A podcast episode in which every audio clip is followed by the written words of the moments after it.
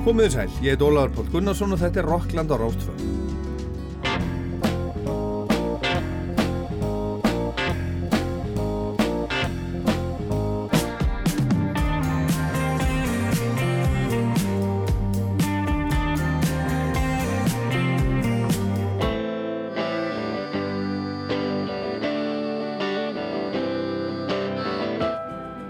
Í Rocklandi dagsins ætla ég segi bara heldur betur að koma víða við og tónlistin sem við heyrim í dag er mjög fjölbreytt. 50s biopop, rafdrifin, rimnakveðskapur, rock, kóra, músík, draumapop á þjóðlaga grunni og bara allt mögulegt. Kristín Lárusdóttir segir okkur frá nýju plötunum sinni sem að heiti Kría. Það er cello í aðalhutverki en líka raf, græjur, ímiðskonar og rímna kveðskapur um menn með sverð og morðingja. Rebecca Blöndal ætlar að syngja lög sem Marlene Monroe söng á sinu tíma á tónleikum í Múlanum, í Björstuloftum í Hörpu, núna miðugudaginn 10. mæ. Við heyrim í Marlene og Rebecca segir okkur frá. Tónlistakonan Jófríður Ágadóttir eða JFDR var að senda frá sér sína þriðju soloplötu, gullfallega plötu sem heitir Museum. Hún er að leggja upp í tónleikafarralag um Evrópu og heldur svo útgáð tónleika í Fríkirkjunni í Reykjavík 8. júni og Jófríður er gerstur Rocklands í dag.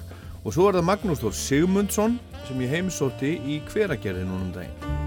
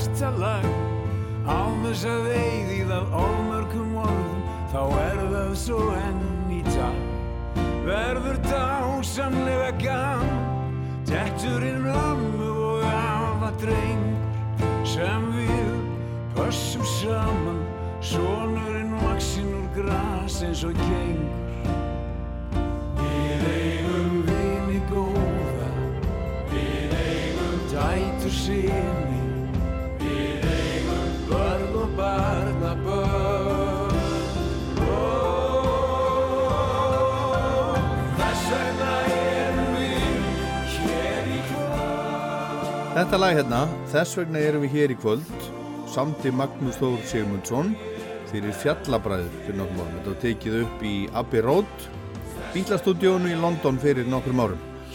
Magnús samti líka þjóðháttíðalægið þar sem hjarta slær á sem Halldóri Gunnari Pálssoni, fóringja fjallabræðra og þeir samtu líka þjóðháttíðalægið sem Fredrik Dór syngur, Ástin á sér stað, bara svona til að setja þetta í samhengi og Magnús samti Íslandi landhitt og Ást og Ást við fyrstu sín og svo framvegis og svo framvegis.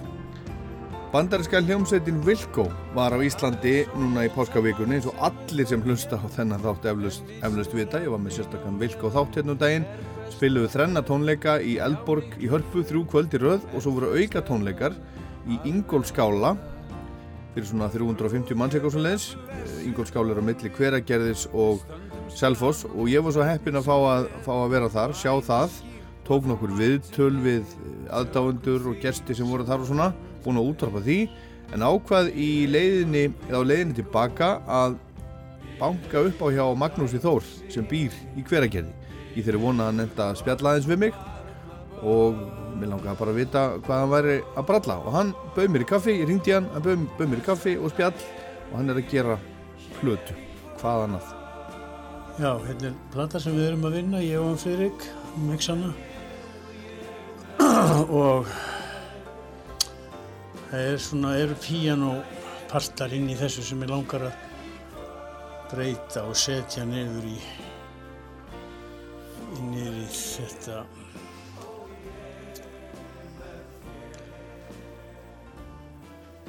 inn, niður í þennan FF sem ég var að sína það sko. Hérna er lag sem að ég var að vinna frá því að gömul minning úr göttunni heima. Það voru af því að flugvöldunum var hjá okkur. Og, Keflavík, já, og en þá- Njárvík já, herin var með svona mötuneyti þar sem svona stórar ávastadósir voru svona 6 kílóa dósir sko.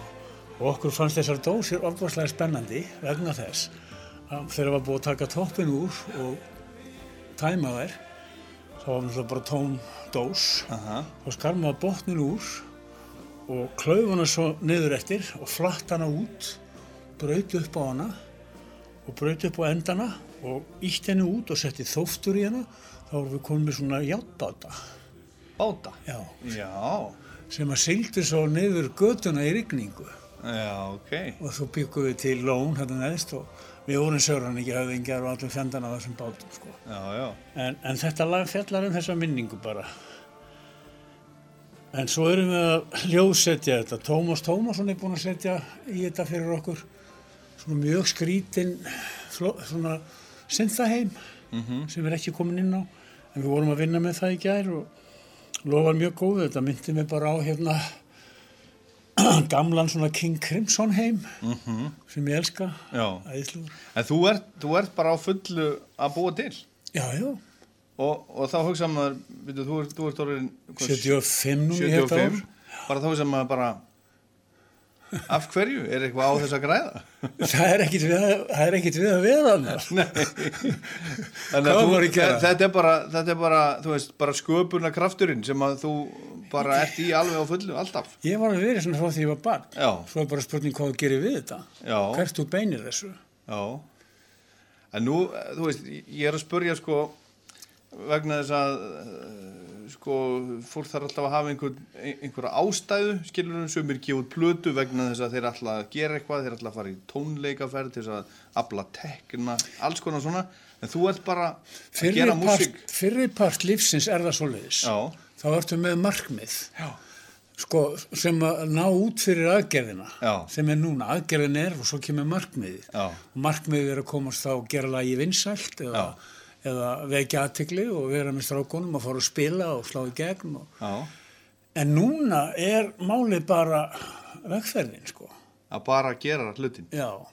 Ég er búin að öllu hinu. Já, Sko, ég þarf ekki að sanna fyrir mér að ég geti gert þetta, sko. Heldur bara mér er svo gaman að gera þetta. já, Og þar við sittur bara. Ég hef fullt af lögfærum og ég eði penningunum mínum í upptökutæki. já, og- þetta er hérna bara að vera, þetta er eins og að vera á bara, segja, þetta er ekki eins og tónlistarskóli, þetta er meira svona eins og sapp og ég veit ekki hvað maður að segja, þetta er svona, þetta er svona, hérna erum við í stofunni hjá þér í, í hverja gerði, þetta er, þetta er svona eins og æfingahúsnaði, hér eru blóm í gluggum og svo eru bara hérna hljóðfæri og, og, og, og upptöku skermar Já, og allt mögulegt hérna og eitt, sófi og sjómar. mér fannst betra að eða penningunum bara í, í, í rándýra mikrofóna og, og upptökutæki eins og til að með seitt svona, þetta sem er í kassanum þarna, þetta kostar 1200 úr skall, sko. Já, Og þetta er bara til þess að syngja í gegnum. já, bara til þess að geta fengið besta samt mögulegt á röttina sko. já, já. Mér finnst þetta betra heldur en að vera að fara í einhverju utalansferð. Er það? Það er nú gott að líka í sólinni líka og... Já, en þú voru að velja á milli, getur ekki gert bæði. Nei, kannski ekki. Þú gerir þetta svona. En, en, en að því þú veist, þú ert sjö- 75 ára, hér er sko, hér fer fólk flest á, á eftirlaun og hættir að vinna þegar 67 ára. Já. Sérðu fyrir þér að hætta einhvern tíman að vinna? Allir sé nokkuð, ég er ég ekki bara lengur hættur að vinna, ég er bara leik, það? leika mig bara. Já, en kannski er þetta bara sami hluturinn, að vinna Já, og það leika er það. Ég hef alltaf verið svona, ég, veistu það, ég hef ekki unni hjá öðrum mönnum eða fyrirtækjum nefnum í eitt og hálft ár í öllum minni lífi. Já, Sko, ég fór og þetta er hægt. Ég er hægt og, en hvort að menn eigi að gera það, ég veit það ekki. Þetta er náttúrulega tölvöld álag fyrir fólki sem er með þér, konur og annað. Já, En ég er bara reyndlega að gera held ég. Ég er bara þóla ekkert að vinna nema þrjá mánuði svona í einu sjá hérna öðru fólki. já, já. Og hérna, já, ég fór, ég var hálft ár á sjó, og- nei, 7-8 mánuði á sjó eða eitt ár og svo vann ég á geðtild í 7-8 mánuði. Ég hef ekkert unni hjá neinum öðrum. En þér? Nei, síðan sko. Nei. Ég held að sé meira og meira um það að fólk vinni hjá sjálfur sér í dag. Já, ég held það líka. Það er, það, er, það er svo mörg tækifæri í dag til að gera Sko, alls konar hluti aðra heldur en að stimpla sig einhver staðar inn alltaf. Þetta líf er bara mjög stödd. Þú finnur það bara sjálfur. Þú ert orðin hvað, 50 eða hvað? 54 Já, gráðum. og finnst þetta ekki bara að vera búið að líða bara svona? Jú, jú, þetta er bara 20 mínútur. Já, þetta er bara sluðis. Þetta er allt, þetta er bara eiginlega bara það sem mannstafði. Já, Þetta er bara ekkur, já, og það er eins gott bara að láta sér líða vel og skemmta sér, sko. já. Þannig að ef að Magnús Þór myndi sko ramma inn eh, bara tilgang lífsins. Enjoy it, bara hafa gaman að þessu. Já, Og elska bara fólkið sitt nú að heitt. já, Og, og bara alla. Við erum ekkert að rífast um uh, hvort þú er að fá meira að minni penning fyrir hlutin. Uh, skapar bara úlfúð og vesen, en bara þakka fyrir það sem þú færið. Ég er fyrir að skoðuna, þú færð í rauninni svona það sem þú átt skilið, sko, þú bara vinnur þannig. já, bara gefur þannig út, þá bara er gefur tilbaka, held ég, sko. En í, mér hefur aldrei verið neitt rosalega umhugað um, um að verða ríkur, sko. Ekki nema bara af hérna vinum og já, gönnunum vinum kannski og já, já. Það er einhver, það er einhver vísindi sem að segja sko að það, þú náir svona ákveðnu hamingju stíi fjárhastlega þegar þú átt fyrir reikningunum og kannski aðeins rúmlega það. já, ég, ég sammála því. Og svo er ekkert mikið meira þar fyrir ofan, skilur du? Ekki nema Og bara þeir... tölur á blæði. Já, og þeir sem eiga mikið af pinningum, þeir hafa bara áhyggjur af þeim. Já, þú Það er verður bara, það er náttúrulega helviti mikið að gera ef þú átt orðið marga milljar að þetta verður að fylgjast með þessu öllu saman. Já. Hvað verður um þetta og, og hvað þú ætlar að gera við þetta. Þetta Já, er já. fulltime job held ég, sko. Já, já. Það er, En, en að þessu sem þú ert að gera núna, þessari nýju músík, er, er að koma sem sagt plata, þú ætlar að gera heila blötu? já, ég er búin að taka upp 15 nýlög Já, og eitt gamalt hérna sem við unnum nú saman í sem heitir Dimblá. já, Mér Já, fannst það alltaf kom- vera, já, vera alltaf ofunnið. Já, sem var var- að fjallabræðra Já, blötu. þetta er lagi fjallar um hjarta sem að er að brjótast um í brjóstun á þér og, og rifbeinin eru rimlarnir og það er að berja á rimlan og vill komast út. Og mér fannst þetta eiginlega að, sko ritminni í þessu ætti ekkert að vera neitt nema bara dum, dum, dum, þetta en ekki trommusett eins og þetta var gert. Og ekki sjö gítarar heldur bara einn. Þannig að ég gerði svoleiðis útgáfa núna Er hún tilbúin? Já. Hún er tilbúin í, í hérna hjá honum Friðriki. Ég er þannig, ég vil ekki vera að hlusta á þetta. Ég vil, ég vil bara sé maður með þetta allt, vinslustíð. Við vinnum hérna og komumst að einhverju niðurstöðu, tökum upp þetta og gerum þetta og svo er hann bara með það. Ég nenni ekki að hlusta á það. Nei, nei, Ég vil bara alltaf hlusta á næsta, bara halda áfram. já, hlusta bara á stíði sem ég er á. Horfa fram ekki aftur. Já, af því að ég, hausin á mér er þannig að ég fer að hlusta á þetta, þá vil ég fara að breyta. Já. Ég nenni því ekki, sko. En þú lætur þetta þá bara í hendurnar á honum og segir bara, þú, Já, ég, þú nei, ég klárar er alveg, ég treysti því að ég sé að gera rétt þegar ég er að því og svo segir hann, viltu á ég að gera kópið fyrir því? Þá segir ég nei. Sko, ég vil ekki kópiður. Ég vil bara vinslist því ég sé þarna, svo höldum við bara áfram að vinna og vinna og vinna og svo bara allt inn er þetta tilbúið og þá hefur ekkert mikið meður um það að segja. Ætlar að gera 15 laga blötu eða? Já, ég gefi þetta út í einhverju formi, ég hugsi ég gerir geisladisk Já, að því ég er að gera 60 laga nótnabók líka já, sem kemur með þessu. sem eru þá bara þín lög í, Já. í gegnum tíðina. Já, það er 55 lög og svo eru 5 þeirra í svona uh, hátíðarútgáfum, þetta sem hann hefur verið að gera hann Gunnar Gunnarsson fyrir kirkjur og kóra og Já, svona. já. Er, eh, er hægt að fá að spila þetta lag í þessum þætti sem við erum í núna? Uh, hvaða lag mennur það? Dimblá? Nei, ég er ekki komið með það á þetta stíg. Já, er það ekki tilbúið? Nei, ég er á vinstu stíg en Ok. Við fórum ekkert að vinna, við ætlum að vinna eitt dag í næstu viku Já. og dimbla á síðasta lagi á plötunni og við vinnum þetta bara í röð. En myndur þú nenna að spila það hér og nú á veist, í þennan? Nei, nenni ég ekki. Nenni því ekki? Er til í, í mjög fyrni útgáfu með fjallabræðurum sko. Já, ef, að, heyra það bara. Já, ég myndi halda það. Ég kem til með að nota fjallabræðar rættinnar Já, og líka fyrirluninnar unnar já, já, já. og Lilja spilaði á hotn í þessu til að nota það. En það eru sjö gítarar sem hann spilaði hann Haldur Gunnar. Ég ætla ekki að nota þá. af því að mér finnst þér fylla alltaf mikið upp í rýmið, ég vildi þessi tómt, tómlegt sko.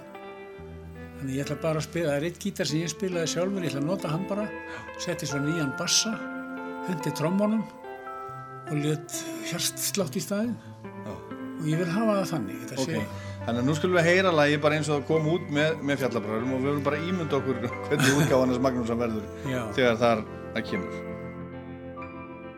Hvort heldur ég kem eða fer? Hreyfi mig til og frá Færanlegt fangelsið er Frelsi í þess utan Til að velska og þrá. Já, að elska og þrá. Finna hjartað hamast í læstum klefa. Ég heyri það veggina slá.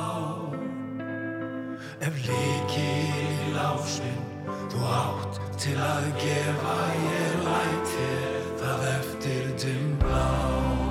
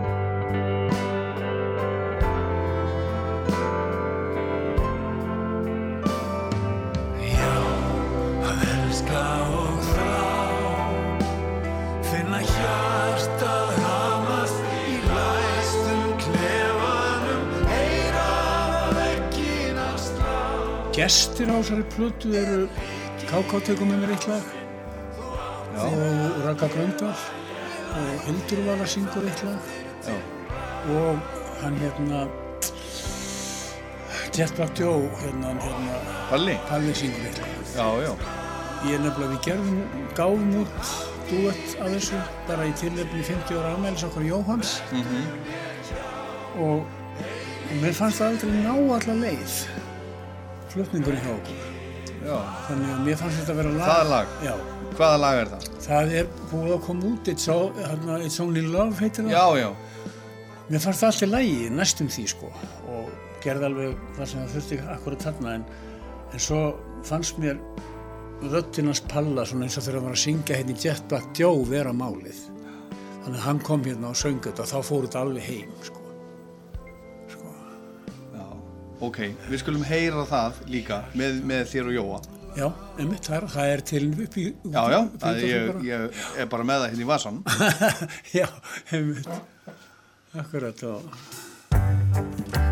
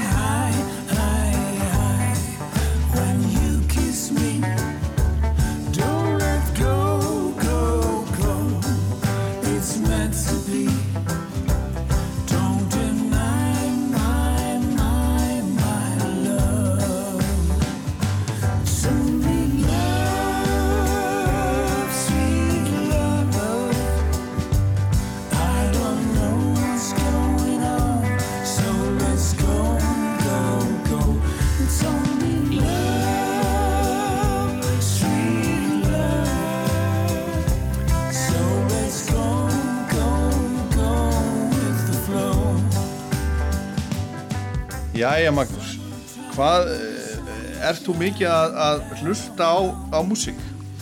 Ég er bara almennt. Ég, ég leita ekkert sérstaklega upp í músík, uppáhaldslægi mitt núna og bara dásamlegt. Ég hlusta á það nokkur sem er viku, er hérna hipsum hafslægi hérna. Þetta er lífi sem ég úrska mér. Já, Eða, lífi sem er langar í. já, lífi sem er langar. Já, er það? Algjörlega Og dásamlegt. hvað, hvað, já, ég er sammála, mér finnst það frábært. Hvað finnst þér í því eh, svona, Það er bara þessi, þessi lífskoðun. Tekstinn aðlega, lífskoðunin og svo bara hvað hann flytur þetta svona látlust og af umhyggju fyrir öllum, þú veist, bæði gömlum og litlum, gömlum og ungum. já, Hann hittir hérna á einhverja taug í mér já, sem að segir bara ok, já, geggjað. já.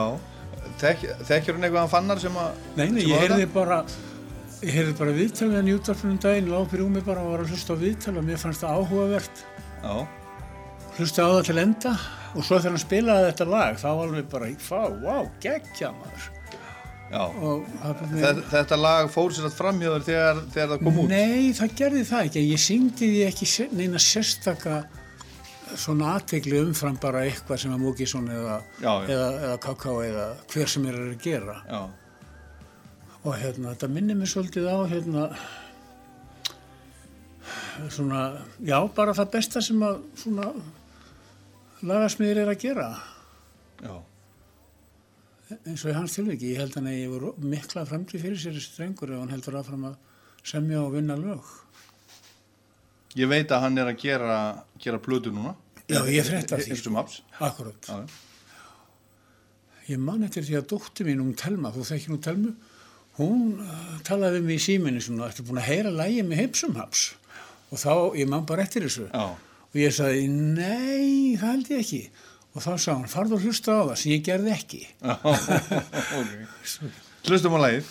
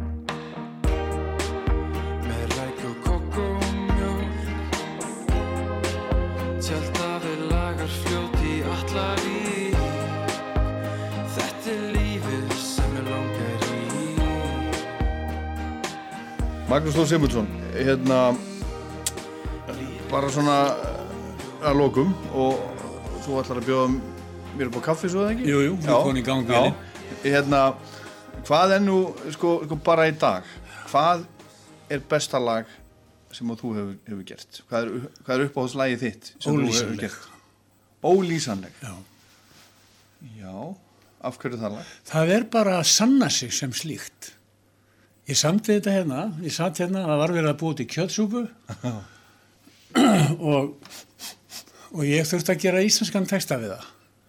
Og ég byrjaði á þessum texta svona mellufleitið af því að ég fekk, hafi fengið briljant hugmynd um nóttina.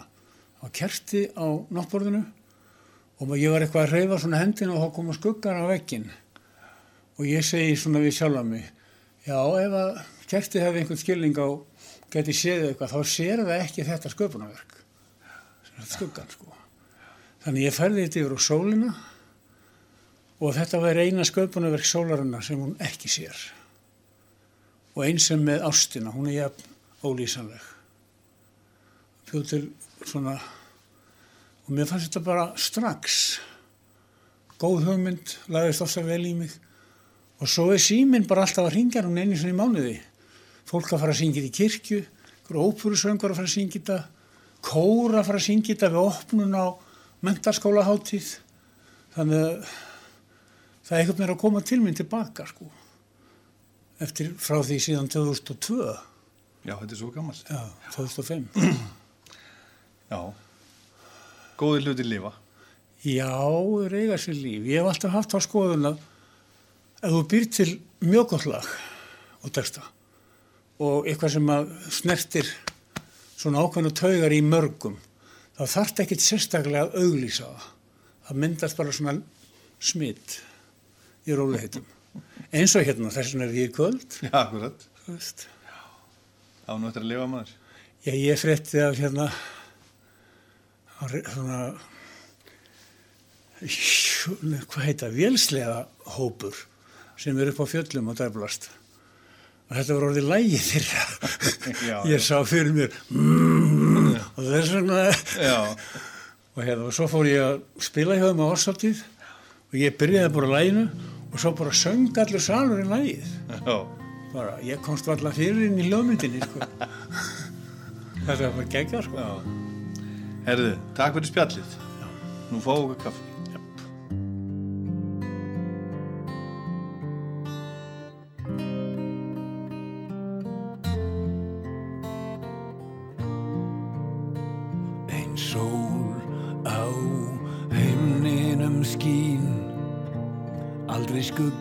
Skugga minn sér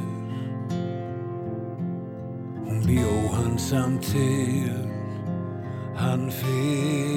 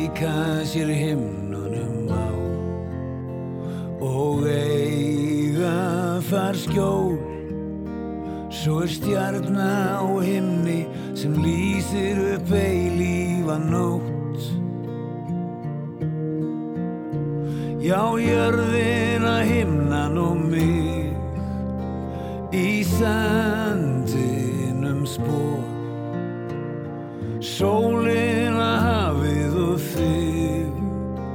Tvo skuggaðum vor Eins er ástin sem ég til þín ber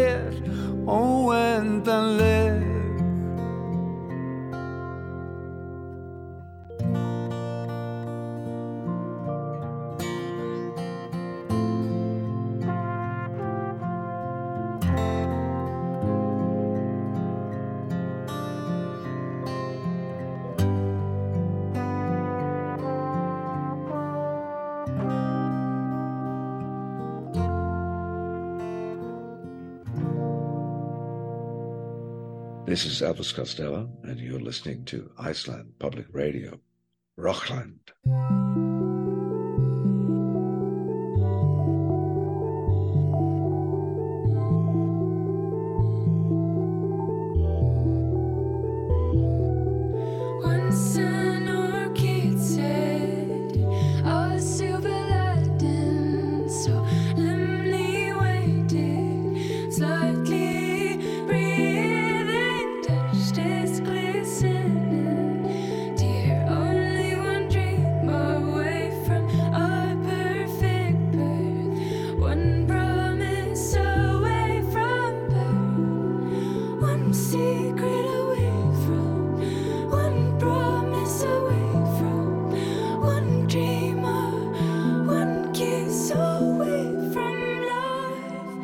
Life. Tónlistakonan Jófríður Ágadóttir eða JFDR eins og hún kalla sig var að senda frá sér svona þriðju sólarplötu, gullfallega plötu sem að heitir Museum og þetta er upphafslega plötunar, heitir The Orchid Jófríður vakti fyrst aðtikli á samt ástildi tvíbarasýstir sinni í hljómsveitinni Pascal Pinion Hún fór í músiktilurinn svo var það Samaris sem sigraði í músiktilurinnum 2011 Uh, Samaris er öðruvísi hljómsveit en, en, en Pascal Pinion Trio, svo var það Gangli og svo Jóða Tjær Svolítið flókið en Jófríður er komin hinga til okkar í Rockland Velkomin. Takk fyrir. Ertu, ertu kannski til í að, að, byrja bara á að, á að útskýra aðeins fyrir mér og okkur svona, svona tímalínuna aðeins. Frá Pascal Pinion til, til eh, dagsins í dag, þetta er svona þetta er smá svona rugglingslegt eða, Ok. eða þú veist þetta er svo mikið, þetta er svo marga plötur og, og þú svona ung en það var samt búin að gera svona mar, marga plötur. Mhm. Já, við byrjuðum sko, allir verið ekki svona í áttundabekk eða níundabekk, byrjuðum við með Pascal Já, með vinkonum okkar. og hérna vorum í músitilurinn. já þeim voru fjó, fjórar Það voru fjórar, já. Já. Og, uh, þá voru þið bara hvað, 14 já, Vá. 14 ára. Okkur fannst við ekkert ungar samt sko, Nei, við nei. fannst við bara að vera fullotnar næstu því sko. Og hérna í, allavega í minningunni var það svolítið þannig en hérna og svo fór ég í MH ef við sérst vorum að spila og ég held að svona svipa leit og við vorum í MH þá gerðum við plötusamning við More Music í Þísklandi sem var út líka Sýber og Múm og, Já, og já. svona Íslands tengingu. Þannig að þá var þetta líka svolítið aðeins meira alvöru sko, þetta Pascal Pínon Já, og þá voru þið bara hvað, þá voru 16 16 ára. Já, og bara komnar í bara, bara business í útlöndum.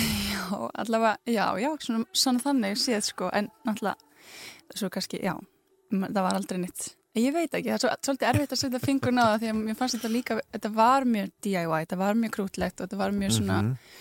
kannski lo-fi alltaf um, en á einhver, á einhver svona, ef maður skiptir um sjónur þá líka á sama tíma var þetta auðvitað mjög náttúrulega mjög flott og mjög fullurislegt líka uh -huh. um, en svo byrjaði ég í Samaris svona 17 held ég og það var með hérna, áslögu sem var vinkona mín úr tónlistaskólanum við erum báðarlega á klarinett og Þorði Kára sem er svona æskuvinur hennar úr já, og við svona vorum að hittast hann var í hérna tónlistskólanum í Kóbo ég að læra raf tónlist og við vorum að hittast svona og hann var að gera beats á Ableton og, og ég var að- semja svona laglínur og, og hljóma og svona.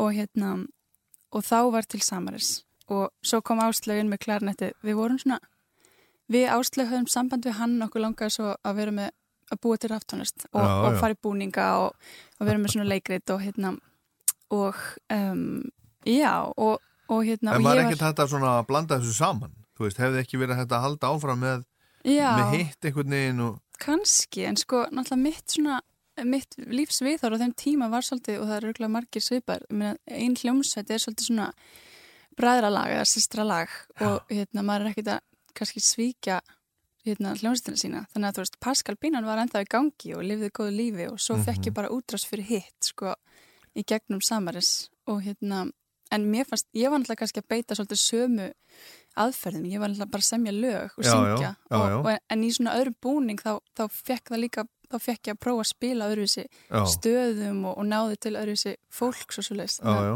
En þetta er svona áhugavert að því að sko sömar af kannski bestu hljómsveitum söguna, bara svo mm Mhm. bítlanir er náttúrulega svo bara margar hljómsveitir. Það er ótrúlega svona fjölbreytt músík. Mm þannig að ég hugsa þetta stundum sko okkur er fólk, að því ég er ekki sjálfur Mhm. að gera tónlist þá hugsa ég svona, okkur er fólk alltaf að skipta um einhvern nöfn þó að sé að breyta aðeins um einhvern stíl. -hmm. okkur má ekki bara vera sama nafnið bara þú ferði í Mhm. ymsar áttir skilur við Algjörlega, þetta er bara mjög góða punktur. En ég held að sé bara svona svona orkulega séð, þá þarf maður stundum bara að búa til eitthvað nýtt og bara sérstaklega maður er með nýju fólki og að því að maður byrjar í einhverju frá byrjun saman þá eru allir einhvern veginn að koma inn í það sama punktinum. Ég held að það hefur verið kannski erfitt svona að, að managera líka pólitíkina eða, eða svona samskiptinu orkun ef maður, maður segir eitthvað hei, hérna er Pascal Pínan við ætlum að gera ráftónlist og það er komin inn einhver gaur úr breiðaltinu og hann ætlar að gera allt bítin eitthvað, er það ekki alltaf lægi? Já, Ég held að það hefur verið erfitt að selja það og erfitt að líka síðan svona að vinna í því þannig sko.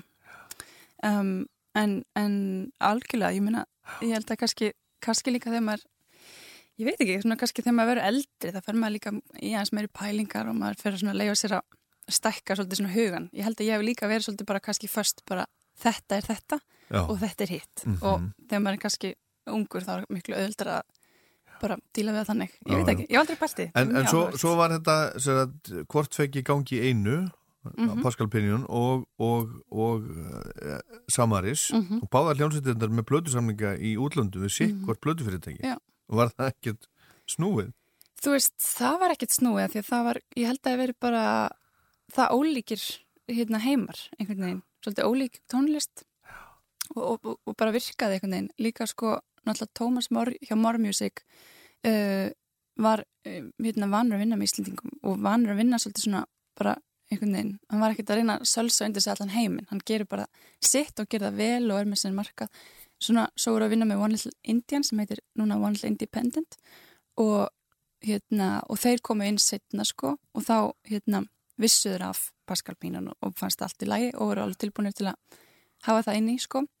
En svo þegar að því þú nefndi gangli svo þegar við byrjuðum með gangli þá fannst þeim það mjög óþægilegt. Og þegar að því það var svolítið líkt kannski samaris. Já, og einhver leitir sko ef ég hefði verið þessu hugafæri sem að þú ert að benda á núna sem er kannski eðlilegra það hefði ég sagt bara já, heyrðu, hérna semjum þessi lög en látum samaris flytja þau og höldum þessu á, áfram og svo leis en að því að ég einhvern veginn kunni ekki við það eða, eða bara var ekki einhvern veginn hugsaði ekki alveg þannig bara hugsaði hlutina miklu skiptar eftir verkefnum.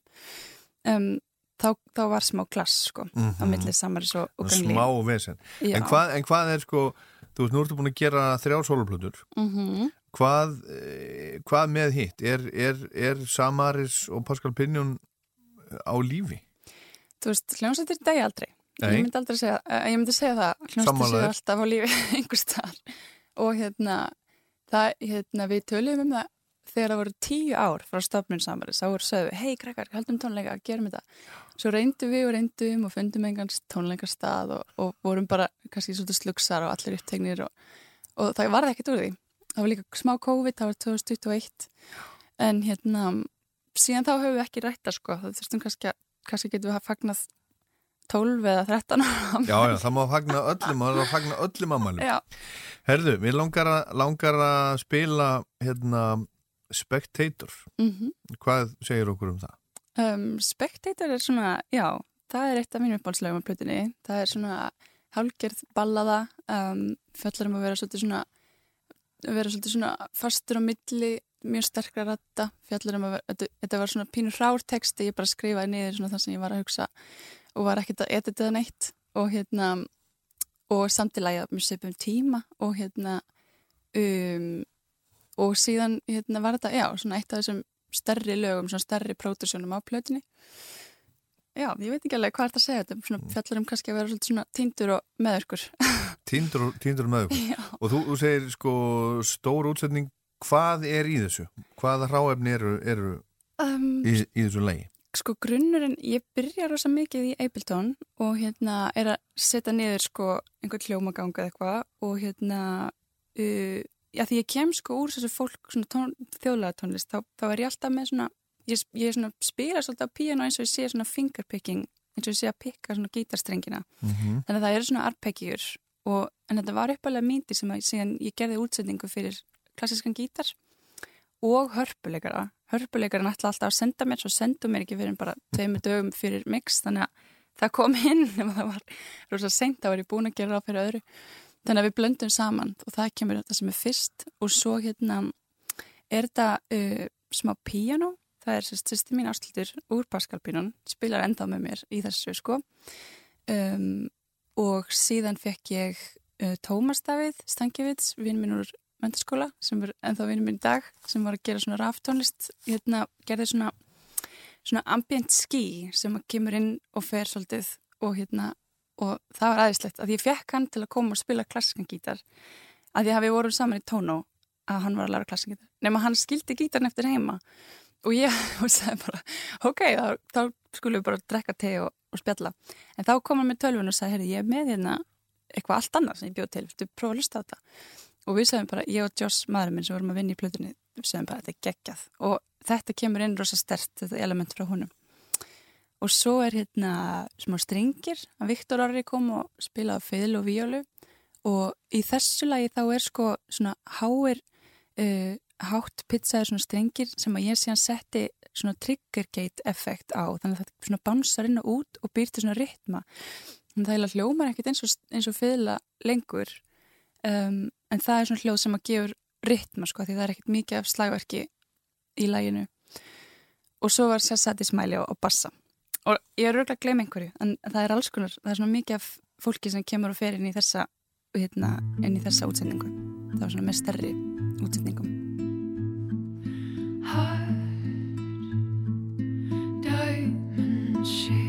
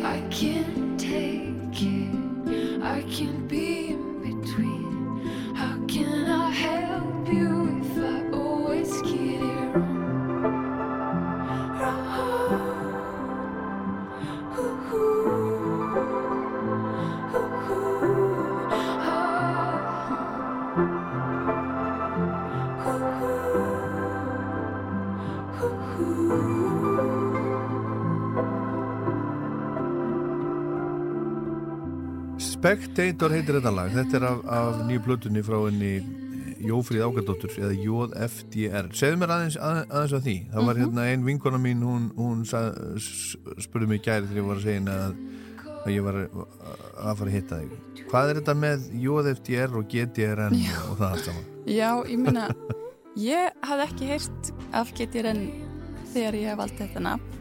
Um, þannig að ég get ekki sagt að ég hafi verið fyrir áhrifum þar. Um, en það var alveg, það voru alveg einhverju svona listamenn sem voru að vinna með þetta, taka út nokkar stafi og eitthvað og ra- gera svona stafarögl. En hérna, og hvað, hvaðan kemur þetta? þetta er sko á þeim tíma sem ég var uh, að byrja með sólaverkefni Mm þá var ég pínu svona ég var alveg pínu þreytt á eins og þú segir að við vorum að tala um aðan svona hérna að vera með mikið af verkefnum og mikið af mismöndi orku og mikið mitt svona leipel og fólk að vasast í því sem maður er að gera og, og kannski setja svona einhverja væntingar á mann um að vera eitthvað. Og hérna og ég vildi bara búa til verkefni sem væri bara mitt og tónlistin fengi að tala fyrir sínu. Og það væri ekki vera, þú veist, ég vildi ekki kalla þetta jófríður eða þetta væri eitthvað svona hérna, tónlistamæðurinn Dubi-dubi með nafnið hérna bla bla bla sem að segir eitthvað hva, hver þú ert eða hvað kyn eða hvaða hlutverk þú hefur í þessum heimi.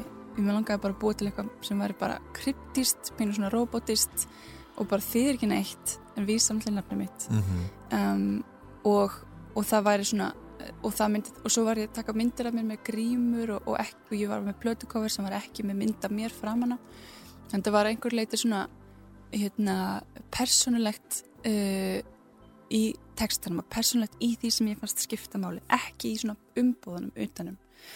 Uh, og hérna og ég held mér bara við það nafn. En, Mhm. en síðan alltaf, já, þú eru bara að spyrja hana Guðrún hvaðan hennar nafn kemur. Það er ábyggilega eitthvað, eitthvað svipað. En mér finnst þetta bara fínt. En hérna, sko uh, þú talar um í fréttatilkynningu þú segir að, segir að þessi plata fjallir svona um hreinsun og lækningu.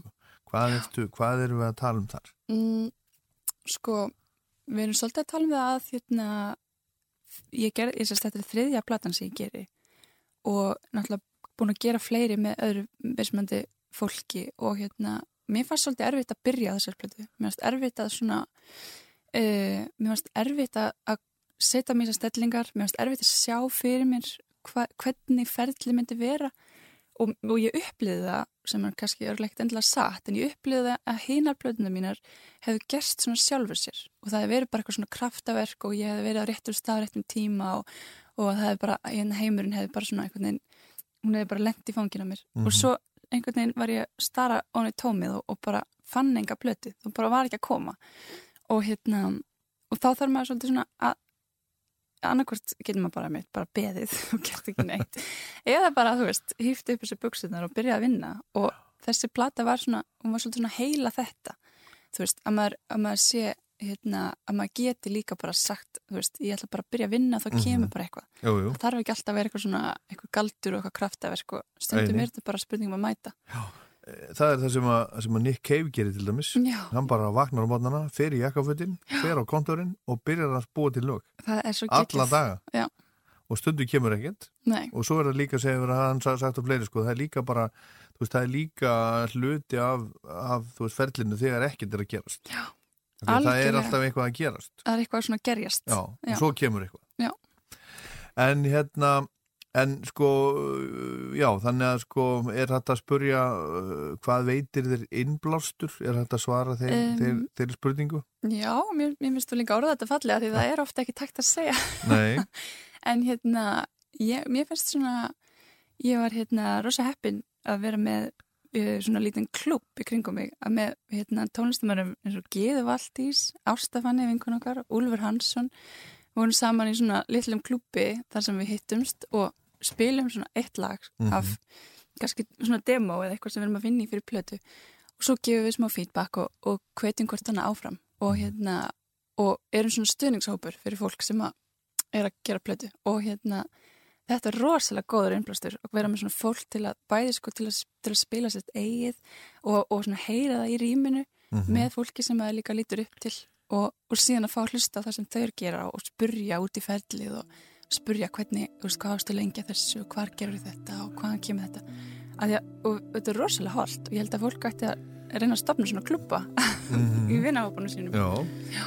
Cover the surface with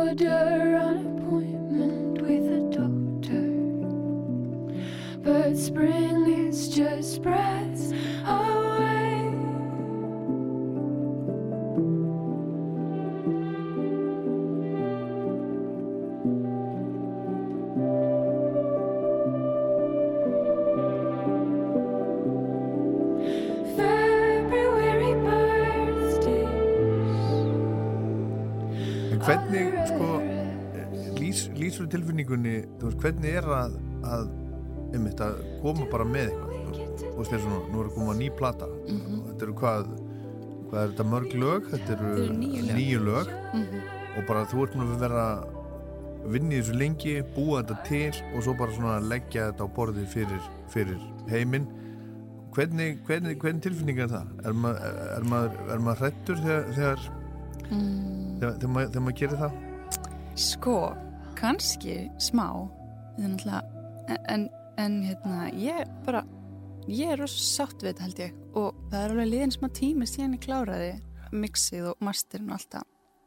Þannig að ég er ekkert svona ég, þetta er ekki alveg eins brakandi fest sko og, og þetta er kannski fyrir nýja hlustund fyrir mér er þetta kannski búið að vera aðeins svona þetta er búið að vera til þessum tíma og ég er bara rosa sátt sko. Þú bara treyst, treystir þessu. Já, og líka bara, ég meina, ég, m- eins og ég hef búin að gera kannski það marga plötur og ég hef hlustað tilbaka og það er margt sem ég hef hlustað á, sem ég hef gert og mér finnst það ekkert einhver tímamóta snild en, en ég heyr alveg, ég, ég heyr það sérstaklega sjálf bara að þetta er eitthvað svona ferli í, og þetta er eitthvað svona leið, leið að einhverju öðru, eitt leiðar af öðru og hérna, og það er rosalega holdt kannski þegar maður er búin að gera þetta nokkur sinnum. Ég held að sé miklu erfiðar að gefa út fyrstu plötu heldur en þriðju eða, eða fymtu eða tíundu plötunu sína. Þannig að fyrir mitt liti þá er þetta bara rosa frelsandi. Gefa þetta út, þá er þetta bara komið og það er ótrúlega gaman að geta svona hlusta á þetta og ímynda sér hvernig aðrir njóta eða hvort það, þú veist, mér finnst- tónlistin verða miklu, hún færi alltaf aðra orku þegar hún er komin út á Spotify eða, eða Bandcamp heldur en þegar hún er bara í hérna, iTunes í tölvunum minni. Þannig að það er alveg rosalega gott að ímynda sér. Nú getur heimurinn hlustað.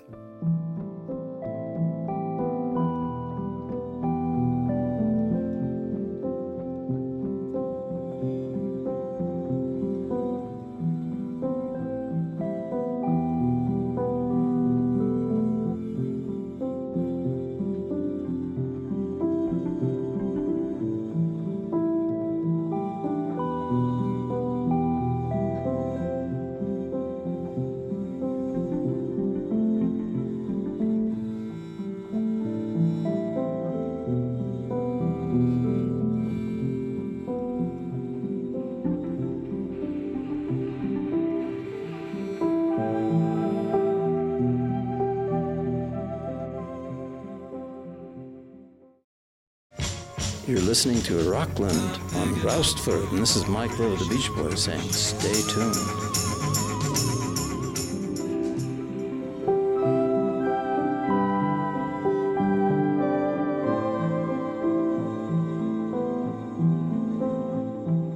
Talandi um akkurat Spotify, sumir, sumir tónlistamenn hafa talað um að það er það tapir svo mikið, mikið af músikinni úr stúdíónu frá því að það svo heyri í stúdíónu það sem ert í raunin, raunin að gera og heyri þar og þegar það er svo komið á þessar veitur Ertu sammálað þessu? Er það þá með hljóm, Já, já, já, já. að það sé bara svona þú ert að, náttúrulega, í stúdíónu að vanda þig að búa ykkur til og svo Mhm. Já. þegar það er komið í þetta form á Spotify þá er búið að þjappa Mhm. öllu og svona þú veist, ert Sko- ertu samanlega þessu? Þú veist, er eitthvað sem leyti.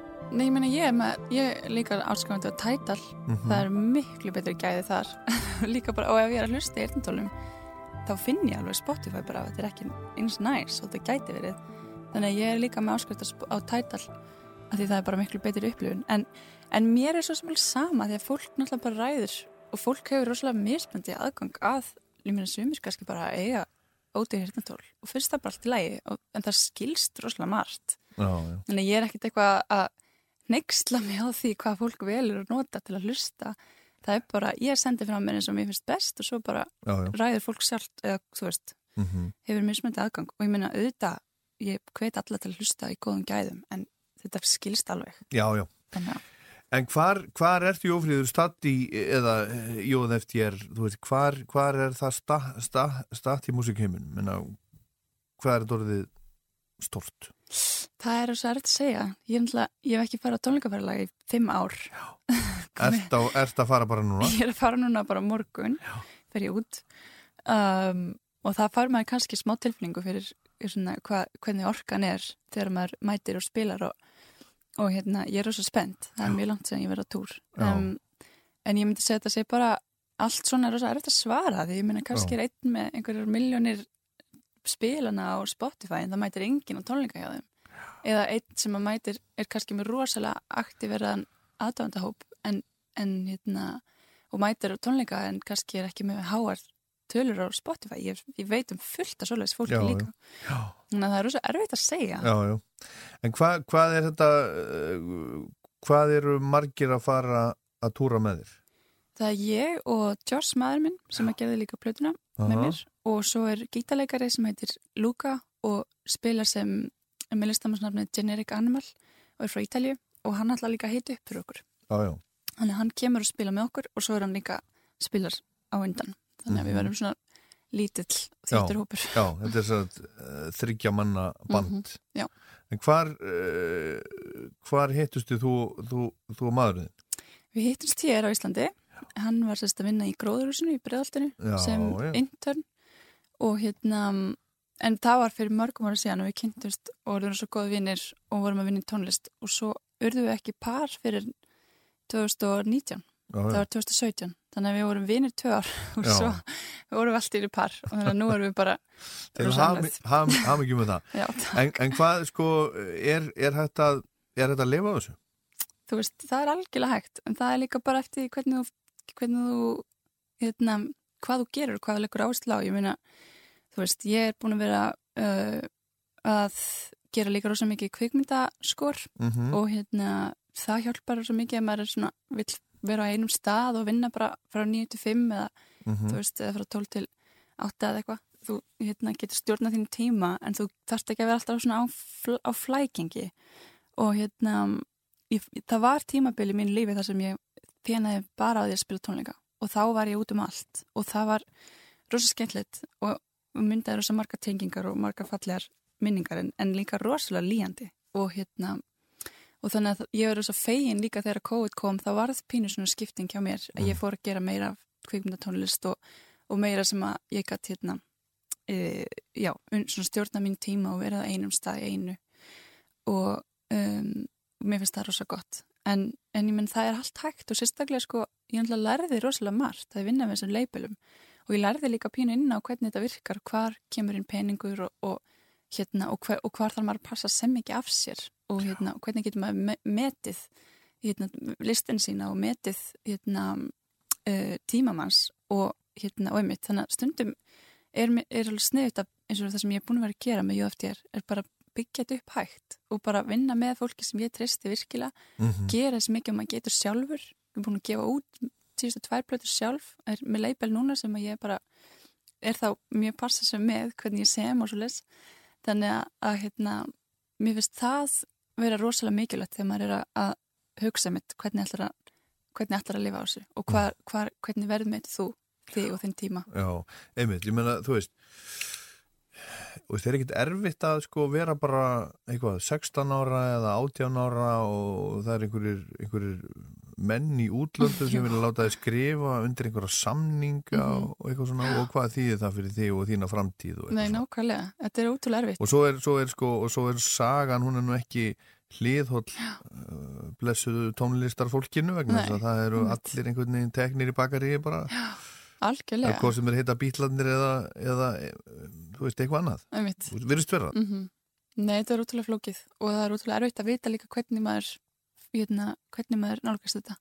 Af því það er, hérna, það er mikil samkefni í þessum bransa og það er erfitt að fá tækifæri og þegar maður býðst eitthvað tækifæri og maður, maður þarf hjálp og maður Mhm. getur ekkert gert allt einn.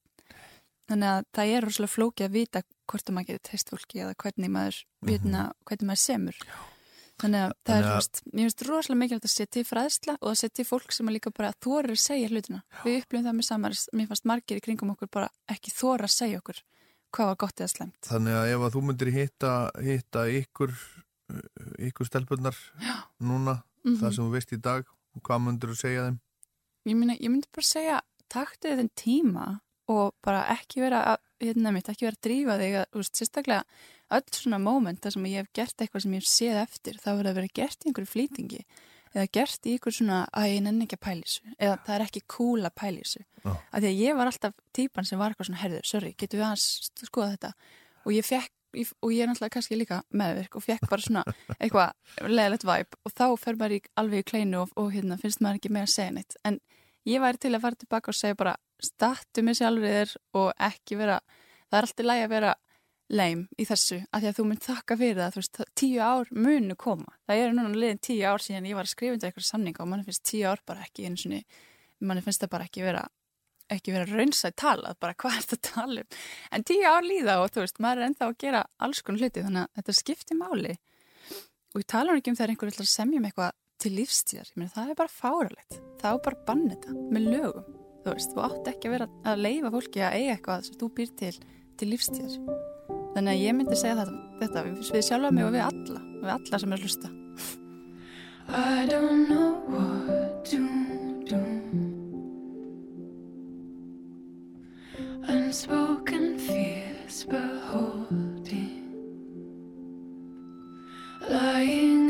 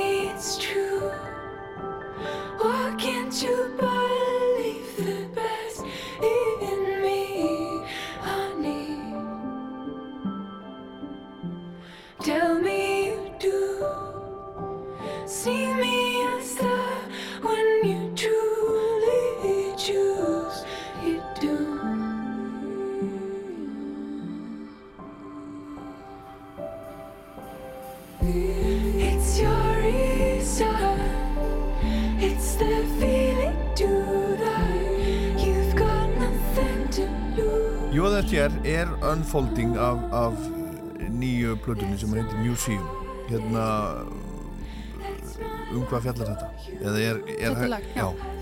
um, þetta lag er svona um, kannski einhver leiti öðruvísi sko fyrir mig ef, ef ég fyrir ná persónlega nóturnar að ég hef svona oft verið að semja um ástir eða svona einhver örlög og, og hérna og semja mjög mikið um sko ástir sem að eru ekki í förstu formi og er ekki í sambandi eða er ekki, þú ert ekki konkrétt og alltaf vera að pæla í þessu svona gráa, bláa svæðin á milli og það sem er melankólia og það sem er einhverjar vonir eða brostnar vonir. En þetta lag er sko, nú fann ég svona mikið ég er, ég er í sambandi og ég er í, ég er meira að segja gift. Maður er einhvern veginn komin inn í allt annað svæði þar maður er búin að svona sætta sig við það að maður er mann, með mannesku en það er samt rosalega mikið af hérna, áskorun þar fyrir innan. Og, og mér fannst það svona fyrsta skipti sem ég samtum um eitthvað svoleiðis held ég. Að ég var hérna, já, komur að segja erfiðleikar sambandi, ég meina þetta er rosalega cheesy og astanlegt en, en svona fyrir mig sem listamann og fyrir svona singer-songwriter, ég meina þetta er mest juicy stuffið þegar maður er, já. þegar maður er farin að pæli sko í hérna, já, í, í hjartanu og, og málefnum hjartans þannig að þetta er svona kannski meira fullorins maður er svona farin að pæli bara ok, við erum hér, við erum Mm. saman en, en það er samt svona þetta grá, gráa svæði og þetta melankóliska svæði er ennþá hér. Mm en þannig að já, lægið fjallar svolítið Já. um það. En hvernig, hvernig heldur þú, nú er, nú er, nú er maðurinn að fara, fara með þér á túr, mm hvernig heldur þú það í eftir að ganga? bara mjög vel vonandi Já, já, Við erum náttúrulega algjörlega besti vinnir og getum með þetta líka bara, við erum mjög duglega að vinna saman og mjög, við erum náttúrulega komum líka úr þannig sambandi fyrst og hérna og berum auðvitað virðingu fyrir hvort öðru sem Mhm. samstagsmenn líka. Og hérna það er náttúrulega bara við vorum um þetta að tala um einn gæt bara við, við, við höfum ekki farað á svona túr áður þannig að við vitum ekkert hvernig þetta aftur að verða. Og hérna það er margt sem getur gerst og, og ég held að eitt af því versta sem myndi gerast er ef að, að lúka gítarleikarinn upplýsir sem svona þriðja hjólið. Það þarf að vera eitthvað stöður á já. mill okkar í einhverju svona tuði þannig að við ætlum að vanda okkur rosa vel já að gera það ekki gangi ykkur vel. Takk. En Jófríður, var, var þetta alltaf planið að vera í músík eða gerist þetta óvart? Þú veist, þegar þú þegar voru að byrja, þú veist, Pascal Pinjón eða Mhm. Samaris, þú veist, ætlaður að uh, læra eitthvað annað eða, eða var þetta alltaf svona Um, planið? Ég held að þetta hafi gerst voða náttúrulega og ekki verið mjög planað um, það var meira bara svona eitt leiður af öðru og, og mitt, maður verið kannski úrlingur og, og fekk einhverja vasapeninga út frá það, út það að vera að spila og eða selja gisladiska sem er bara frábært. En, en svo kannski var ég bara heppin að þegar að þetta gerðist svona sjálfkrafa. Ég var kannski orðin fullornari og þá fer maður að svona huga eins meira að því hvernig maður getur lifa af þessu og, og allt innum að bara koma með einhvern feril og einhvern, hérna, einhvern svona, já, eitthvað, einhver vinnu sem maður hefur skapað sér. En ég náttúrulega, ég er að læra, ég er í ristaháskólanum núna, að læra tónsmíðar. Þannig ég er svona líka aðeins að koma aftur inn í það sem ég sko, það sem ég svona ætla að gera innan gæsalappa. Aha. Að ég ætla að fara í háskóla En- og nú er ég svolítið svona, En fyrir sagt, tónlistamann sem búinn að semja lög í mörg ár, mhm. hvað gerir það fyrir því að fara í listaháskólan að læra tónsmíðar? Sko ég gera það rosa mikið fyrir sjálf mig. Ég gera það til þess að læra öðruvísi nálgun og ég er náttúrulega verk sem ég er að semja þar eru, eru öðruvísi eðliseldur en þau sem ég er að setja á þessar plötur. Ég er til dæmis ekkert að fara með þetta til kennarans míns og segja hvað finnst þér um einna viðlæði í þessu lægi. Veist, ég er svolítið bara að gera það sjálf út af mínu megin forsendum en svo er ég að læra náttúrulega bara meira svona kannski heimsbyggilegri nálgun hvernig maður, hvernig maður býr til einhverjar tónlist með til dæmis algjörlega aukt blað og, og er bara að skrifa leiðbenningar til flytjenda og leiðbenningar sem að síðan lifa lengur en maður sjálfur og hérna mér finnst það spennandi nálgun og ég einhvern veginn veit ekkert hvað ég ætla að gera við það nákvæmlega en, en þetta, er, þetta er svona eitthvað sem ég er að, hugsa út í núna En hvaða, uh, hvaða fólk, uh, eða hvaða fólks lítur þú til sem, sem fyrirmynda? Stundum er, stundum er sko, þegar ég var að hlusta á plötuna þá var mér hugsað svolítið til Bjarkar. mm -hmm. Er, það, er, hún, er, veist, er hún þín helsta fyrirmynd? Er, er þetta að segja Mm. þannig eða er bara eitthvað allt annað? Sko, ég myndi alveg segja að Björk hefði haft, hafi haft rosa mikil áhrif og hafi náttúrulega alveg ennþá. Ég pæli rosa mikið því sem hún gerir ennþá hérna, plötuna sem hún er að gefa út og það eru náttúrulega alveg stórkostlegar og hérna, þegar ég var úlingur þá var ég að hlusta á Björk og, og upplýði rosa mikið frelsi því sem hún var að gera. Mér fannst bara alveg frábært að þarna væri bara sterk hérna hvern fyrirmynd sem væri að gera tónlist sem væri bæði svona lagræn og melodísk en líka með rosalega spennandi hljóðheim og ég, mér finnst það sita ennþá í mér og ég er ennþá svolítið að eldast við að gera nákvæmlega þetta að búa til lög sem standa sem lög, þau standa einu sér en þau eru líka klættir rosalega svona bara juicy hérna, hljóðheim og útsetningum og nota bara öll tækin sem eru til. Nota klassisk hljófari, nota ráftónlist nota gítar, ég meina ekki vera að festa sig í einhver einu formi sem að verður alltaf að, að vera hérna, yfirráðandi og festa sig í einhver svona boksi en ég var líka hlust á, á rosa mikið svona fólktónlist. Joni Mitchell og Nick Drake og Elliot Já, já. Smith og, og það er ennþá í mig líka mjög stert bara Já, já. svona hérna, lög sem er bara að hitta mann í magan og hjartað og, og textar sem eru sem eru kannski ráir eða eru sannir eða eru velsetti saman og, og það hérna, situr líka í mér og ég á marga fyrirmyndir mitt sem eru svona hérna, meira í svona fólki í Mhm. heiminum En það er til dæmis eins og, það er kannski líka eh, tenging við Björsko og hún segir til dæmis um nýju plötuna sína að þetta sé ekki, ekki popmusík. mm -hmm. Hún segir ég hef ekkert á móti því en þetta er ekki popmusík, þetta er, Algjörlega. þetta er þjólaða tónlist. Þetta er bara þjólaða tónlist, þú veist, dagsins í dag. Mm Þannig að þú ert kannski... þú Ég held að sé þú- algjörlega þú- tengingar, já. Þú, þú myndir segja að þetta sem þú ert að gera sé þjólaða tónlist, folkmusík. Já, nei, mér finnst það, mér finnst það og hérna, einmitt, það er hugtak sem er alltaf að breytast og það er, hérna, vonandi verður þetta ekki eins og klassísk tónlist sem er bara frosin í klassíska tímabilinu og allt heitir klassík. Þannig að vonandi er þetta einmitt eitthvað sem að færa þróast og færa að, eins og Björk sé að, að tala um, að fólktónlist sé eitthvað sem er á lífi en Mhm. ekki bara eitthvað svona formfast frosið. Akkurat. Síðasta lagið sem við ætlum að heyra er Live Man. Mm Hvað getur þú sagt okkur um, um það? Lifeman er svona hressileg svona existentialisma ballaða fjallar um svona þegar að ég var hérna bara einmitt starrand út í tómið eins og ég lísti á þann að hérna horfa bara með bara hvað er ég að gera hérna og hérna um, og uppalega var þetta mitt bara rosalega einföld laglina og, og svona arpeggiðaður hljómagangur og hérna við klættum það upp í búning sem er miklu meira fjör og, og hérna við vorum svolítið að pæli svona þetta á að vera svona gott til að keira við þannig Já. að þá vera svona einhver reyfing og við vorum, ég og Jost vorum mikið að hlusta á svona Sahara tónlist, tónlist úr Eðimörkinni þar sem Mhm. þeir eru alltaf á kameldýrunum og það er svona tempo og það er svona hérna, svona feelingur þannig að við vorum eitthvað Þetta meina svona Afriku Blues, svona... Svona, já, svona Alifarkatúri eða, eða hérna, hvað heita þeir, hérna, Bombino og þeir sem eru svo æðislegir. Tina Ríven líka. Já, já, Tina Ríven alveg gekkja. Þessi, þessi Já, stemming já. var svolítið inblástur og hérna, Í Ísafjörðardjúbunu samt. Ekki í Sahara. nákvæmlega í hérna, einhverjum svona svörtum sandi á einhverjum hérna, íslenskum hesti. Nei, ég segi svona. En, hérna, en þetta er algjörlega, já, svona fjallar um þetta að vera að pínu svona bara ok, er þetta bara lífið, allt er góði, höldum bara áfram. Jófríður, Jóð FDR, takk fyrir komuna. Takk fyrir. mikið með þessa flottu blötu og góða skemmtun á tónleikaferðarlegin. Takk hella fyrir.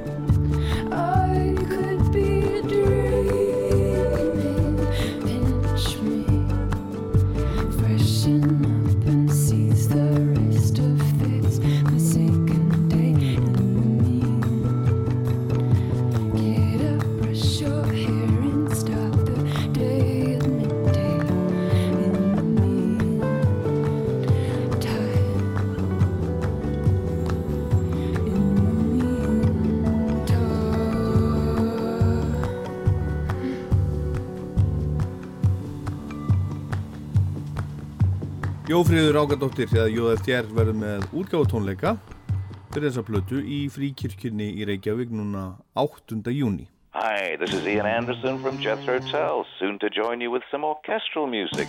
You're listening to Rockland on Rouse Tour.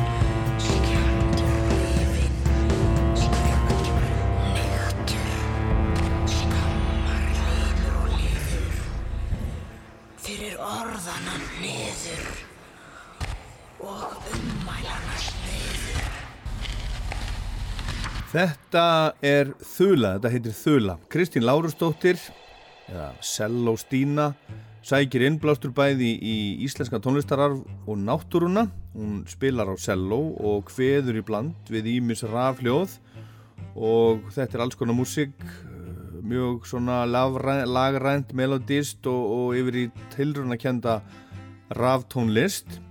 Hún var með tónleika í Kaldalóni í Hörpu í, í gær, hún var að gefa út blötu sem að heiti Kría, þetta er af Kríu og hún gerir allt þarna, hún, hún semur og, og, og býr til og tekur upp og spilar á cello og kveður rýmur og allt mögulegt. Hún er búin að gefa tvær plötur áður, Hefring kom úr 2013 og Heiminn Glæfa 2016. Hún er komin í Rockland, velkomin og til hamingju með uh, plötuna. Takk hérlega fyrir. Segðu, segðu okkur aðeins, aðeins svo, þú ert, þú ert selvoleikari í grunninn sem hefur bara gaman af alls konar, alls konar tónlist, raf tónlist og rimna kveðskap. Þannig að útkoman er svona, ég veit ekki hvað á eiginlega kalla þetta, svona rimna rock, eitthvað. Já, ég veit ekki heldur hvað ég ætti að kalla þetta. Ég, En það skiptir það kannski öllum máli, þetta er bara tónlist. já, ég, ma, ég, maður bara dettur í einhvern ham, sko, maður bara músiserar og, og semur og, og einhver svona þrá í manni. Og eins og segir, ég með hérna, klassiska selló hérna í grunninn, klassist mentu og, og selvoleikari og, og svo hef ég bætt við með, náttúrulega haft mikið áhuga á þjóðlega tónlist í gegnum tíðina og þá sérstaklega íslenskri þjóðlega tónlist Já. og rýmna hverskap og, og, og já og bætti sem við mér raftónlistinni líka og Já, en hvernig, sko, hvernig þjóðlaga tónlist, erum við að tala um sko bara eldgamalt, sérstaklega rýmna kveðskap eða erum við að tala um þrjú og palli? Uh, já, já ég, eins og segi, ég er svolítið al, alæta, ég eh, hef gaman að flest allir tónlist, líka þrjúapalli og he- helst kannski eitthvað svona, ég veit ekki hvort það með segja, svona eitthvað rosa kompressa amirist pop sem mér finnst kannski síst, en, en þarna, en nei, nei, ég er gaman öllu og ég elska til þess að vera á klúpum í Berlína að bara teknoklúpum að dansa og svo get ég verið bara heima að kyrja rímunar. Rímun allir eru alveg og möndur, geta verið möndrur og svo líka alveg upp í hasar og, og mikil æfintýri og svona stöð. Þannig að það eru mjög, eh, mjög fjöl, fjölhæfar, eða Já. markþættar. en hvað er, hvað er mandra, séru? E, nei, bara eins og þarna þegar maður fyrir jóka og kyrjar möndrur, þannig Já, að þegar, já, já, þannig að það er að segja skast, rímunar eða þessar stemmur, við köllum lögin í stemmur, kvæðarlög eða rímnalög og maður getur það til róleri stemmur og róleri vísur og, og þá er það bara mjög heilandi finnst mér að- að að kveða þetta og fara með vísuna og það getur hver sem er kveðir mm, vísur og, og rýmur eða vill, og svo getur það líka verið meiri, meiri eh, hérna, öðruvísi stemmur sem er meira stuð og að samaskapi vísuna geta verið meira svakalegar og blóðið barðar Stemmur og stuð. Stemmur og stuð, já. Stemmur, rimnalög eða kvæðalög. Og hver er munurinn? Svona í grunninn, svona heilt yfir er engin munur, en það eru sumir sem að vilja meina að það sé einhver svona aðeins meiri munur að rimnalögin sé kannski þau lög sem er á minna registeri, minna stökk, því að þú ert að kveða marga vísur Sæða þetta í tónbílunum. í tónbílanum, Já. já. það fer um minna svið og þá kvæðalög geta verið þá, það er kannski meina svo sönglög oft, Aha. því að þessar, þessi lög, þessar stemmur geta verið stundum alveg bara svolítið eins og sönglög og svo meira líka yfir í bara raul og, og einhvern veginn og þegar náttúrulega fólk var að kveða rýmur í gamla dag með svolítið gaman að, að lýsa svo eins og, og þáttaserjur þegar þú ert kannski með Game of Thrones eða ég veit ekki einhverja The Vikings, þú ert Já. með margar þáttaræðir og svo í hverju þáttaröð eru þættir Já. og eins og með rýmuna, þú ert kannski með rýmu með einhvern konung eða viking, kannski 20 rýmur og svo í hverju rýmu eru kannski 60, jafnvel 100 vísur Já. og bara hasar eftir já, hasar. Já, já. Þannig að þó- þegar fólk er að kveða kannski hvað 100 sinni 20 rýmur þá er betra að lægi sé á minna Já. sviði, að það sé ekki ómikið stökk, ómikið Já. lag. Og En, þá- hva, en já, hvað er mikið af þessu til á Íslandi? Mikið af, Bara af þessum, þessum kveðskap? já, við erum bara fullt af þessu, við erum mjög rík sko, þarna ríka að rýmna kvæskap og, og þarna eigum alveg aragrúi af rýmum og vísum og gömlum stemmum. Og, og þarna og svo, svo eru ennþá alveg fólk í dag sem er, hefur verið alveg upp þetta, þú veist eins og Bára Gríms sem margir þekkja, hún er alveg upp að sínum fóruldrum og, og af ömmu og þannig að þetta er svona lifandi arfur. Já. Sem En það fer einhvern veginn ekki mikið, mikið fyrir svo og, og kannski það sem, að, það sem þeir sem hafa kannski gert mest úr þessu á undanföldum árum er kannski Steindur Andersen og, og, og náttúrulega Sigur Rós, þeir voru náttúrulega með, með Steindur, Steindur með sér Já, einmitt. og, og er það svo bara, svo bara þú? Já, það er margir að gera ímislega, svo bara mismundi hvað bera á þeim og hvað, hvað Já. þykir töff og cool. já, já, en þarna, já, ég, það er margir að gera spennandi hluti, bara, já, hér og þar í sínu hotni. Já. En, já, en við, með, með í huga nefna líka bara, það er félagskapu sem ég hef verið í, þarna, sem við kallum okkur Þorn og við erum svona, sérst, fólk hérna og þaðan, það er hérna þjólega fólk og hérna, langspilsfólk og rýmnafólk og fólk sem er meiri í raf og minni í raf og, og dansara, þjóðlega dansara þannig að við hefum verið svona reynd að hittast og, og, og sína hvort öðrum stuðning og, og bara eiga samtal og, og svona til að styrkja þa þessa kreðsu á, á söðskinskónum en með stungið í samband við Já, ramag. alltaf stungið saman Herðu, við skulum heyra hérna, hérna lag af, af nýju plötunniðinni sem heitir Læst í klaka. Hvað er, uh, hvað getur þú sagt okkur um það? Þetta er vísur úr númarímu, þetta eru eh, mannsöngsvísur, mannsöngur, hver rýma hefst alltaf svo kvöldum mannsöng, nema elstu Ólafsrýman sem er elst að varfitt rýma reyndir án mannsöngs, en, en öllu jöfnu hefjast, hefst hver rýma á svona mannsöng og þá er skáldi meira að tala um eitthvað út frá sínu hjarta og svo kemur hasarinn. Þannig Já, að þetta er kannski svona þetta 6, svona- 10 vísur eða Svona eins og svona inngangur. Já, inngangur. Svona, mér finnst þetta eitthvað. Já, eða, og- aumingi ég, eða falli náttúra Já, eða eitthvað svona alls, og, og svo kemur einhver saga þar, þar á eftir. já, svo kemur hasarinn. Svo kemur hasar. Thank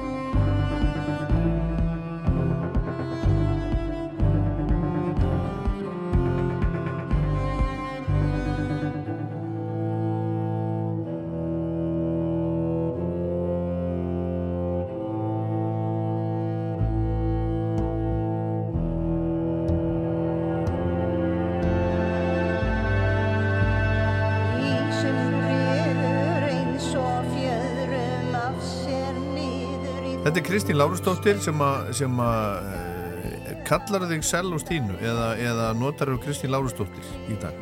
Ég nota bæði, fólk ræður það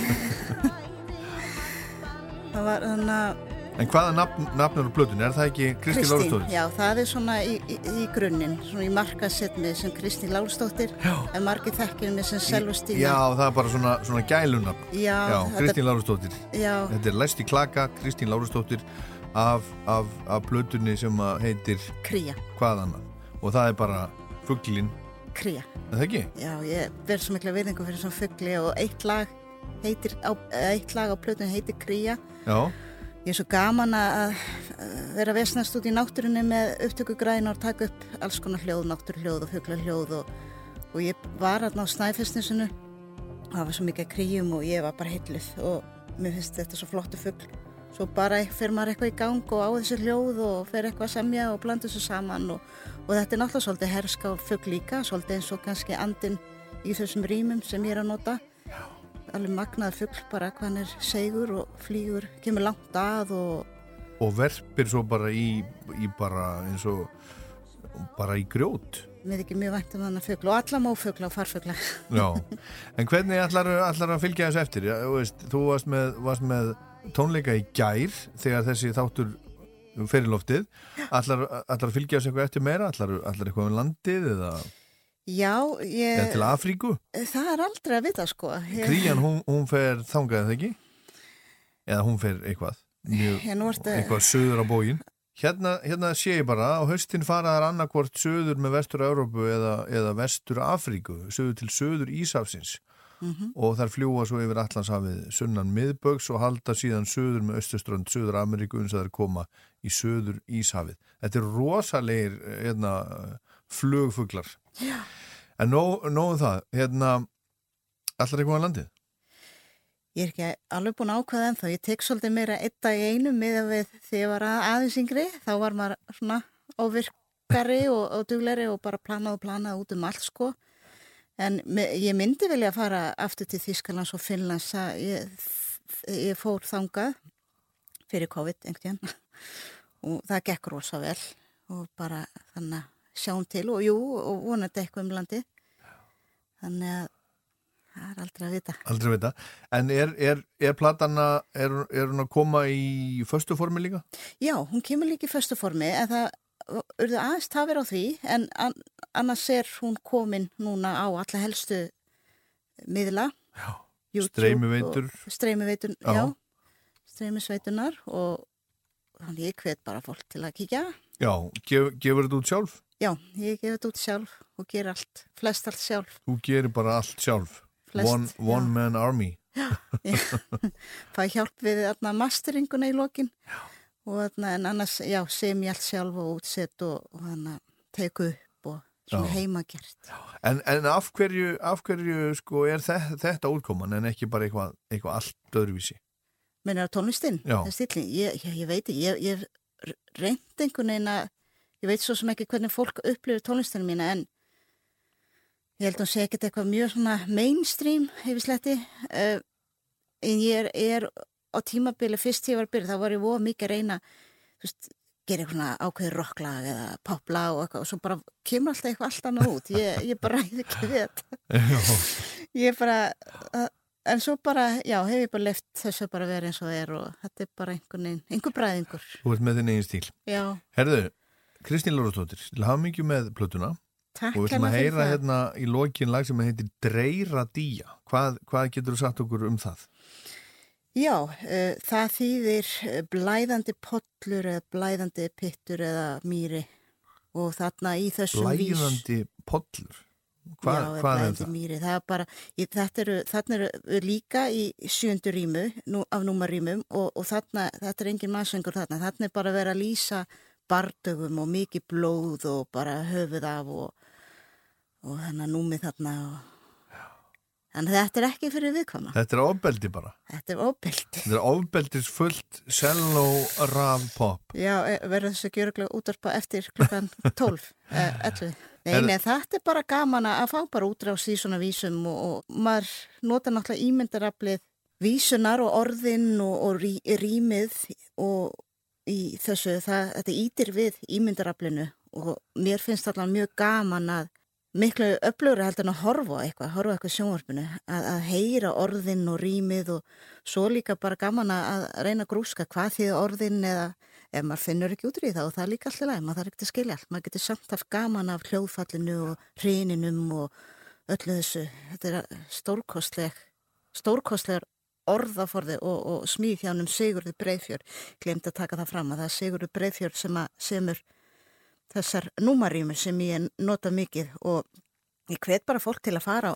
rýmur.is eða ísmús.is til að kynna sér aðeins að grúska í þessu, ekki að fólk þurfa að læra heilu, heilu rýmunar en, en getur gaman aðeins að sjá út af hvað það gengur og, og ísmús er hægt að finna líka bara fullt af öðrum hlutum, ekki bara rýmur og vísur, heldur líka sögur og, og bara samtal um daginn og veginn og áhugavert að hlusta á þessu gömlu rættir finnst mér.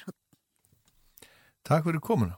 Takk kærlega fyrir mig, Óli. Sólin gillir sveipur rósum sæl með snilli jarðar móin heimur fyllist himnaljósum húmið villist niður í sjóin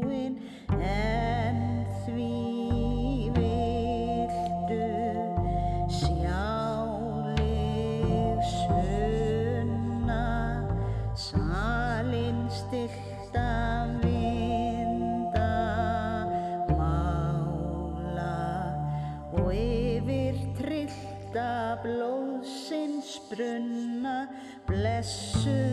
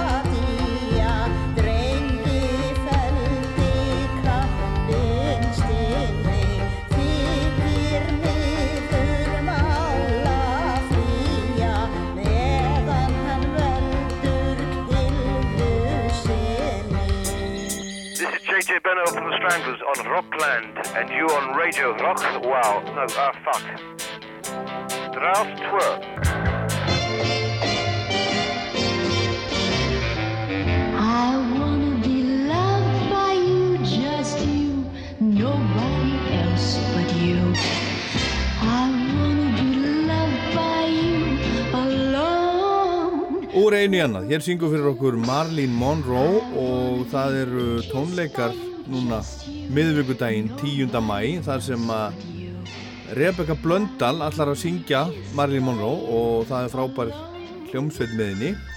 Rebecca er einu af okkar fremstu jazz og, og blues söngkonum og tilnæmt til íslensku tónlistavælununa núna í fyrra sem flytjandi ásins í jazz og blues. Hún gaf plötuna Ljóð í fyrra sem er fengið príðilega dóma. En nú er það Marlene Monroe og Rebecca Blöndal er komið til okkar í Rockland. Allt er þetta jú rock. Hæ, okkur er að spila, spila Marlene Monroe. Og, og hvað hva, hvaða músík er þetta? þetta er náttúrulega í grunninn rosalega mikið jazzstandardar sko. Og síðan er búið að taka hérna suma þessu jazzstandardum og svona eiga svolítið við það og tróða það inn í ykkur svona gamlar bíómyndir þar sem að Marlin meðal annars fór með ykkur hlutverk. Suma af þessum lögum eru úr gömlum leikritum sem að voru tekin og ja, svo var áttu við þau og, og þau einhvern veginn gerð þannig að þau pössuð inn í enn og aftur ykkur gamla myndir þar sem að Marlin e, fór með ykkur hlutverk. Þannig að við erum svolítið svona já, okkur langaði að fanga tíðarandan þó svo að textarnir í sumur af þessum lögum, lögum séu frekar svona dated, outdated og uh, við erum svolítið bara að finna í raun og veru lægið sem að leynist í þessu því að þú hlustar í raun og veru á sumur af þessum lögum núna eins og á Spotify að þá heyrur að það er alveg senur inni, það er samtölu að eiga sér stað Já. inn í læginu þannig að hérna það var svona, hann Snorri hérna, Sigursson, uh, trompetleikari hann hérna er búin að vera að útsetja þetta fyrir okkur.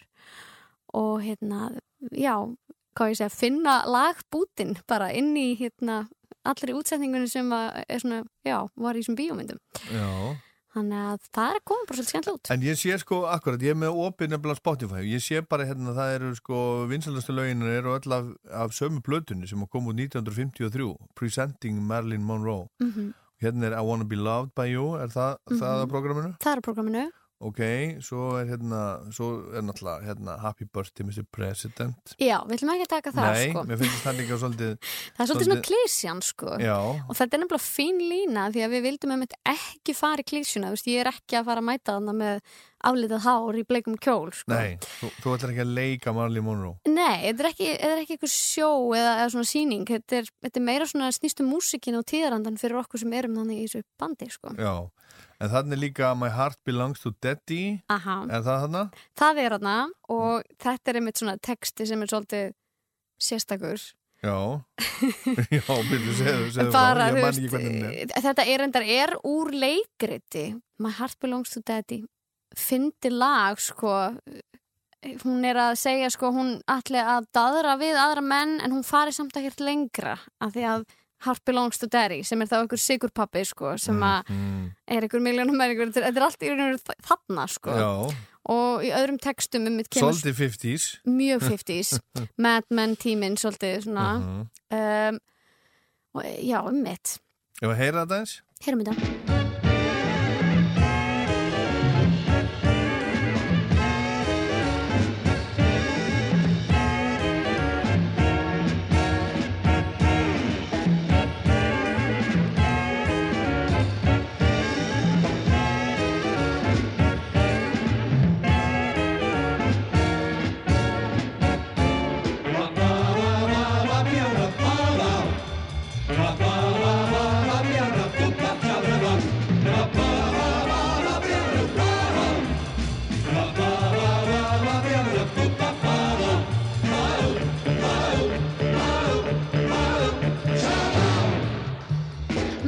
name is Lolita. And, uh, I'm not supposed to play with boys. What? Ah, mon cœur Know, le propriétaire.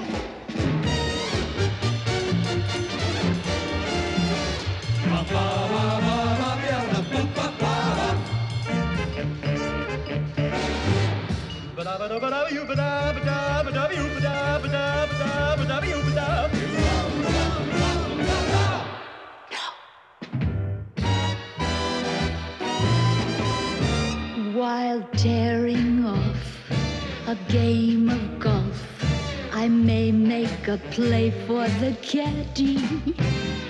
But when I do, I don't follow through, cause my heart belongs to daddy.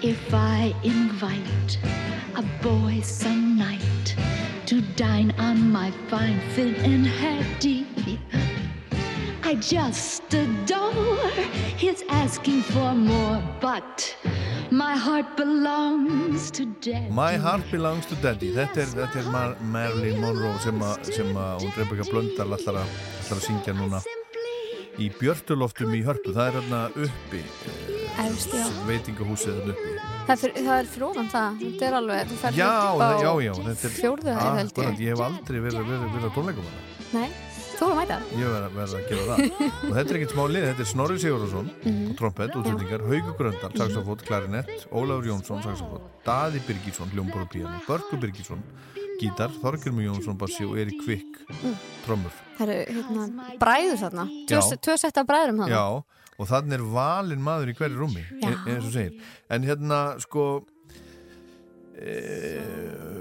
sko Marley Monroe var náttúrulega bara svona íkon og leikona og ég held að fólk hafi kannski miskili karakterin, ég held að Marley Monroe hafi ekki verið hamingisum en, en hvað sko og, og, og fólk hafi svona mismunandi skoðun eða mismunandi skoðun því hvort hann hafi verið góð leikona eða ekki Mhm. en, en, en hvernig söng hann var?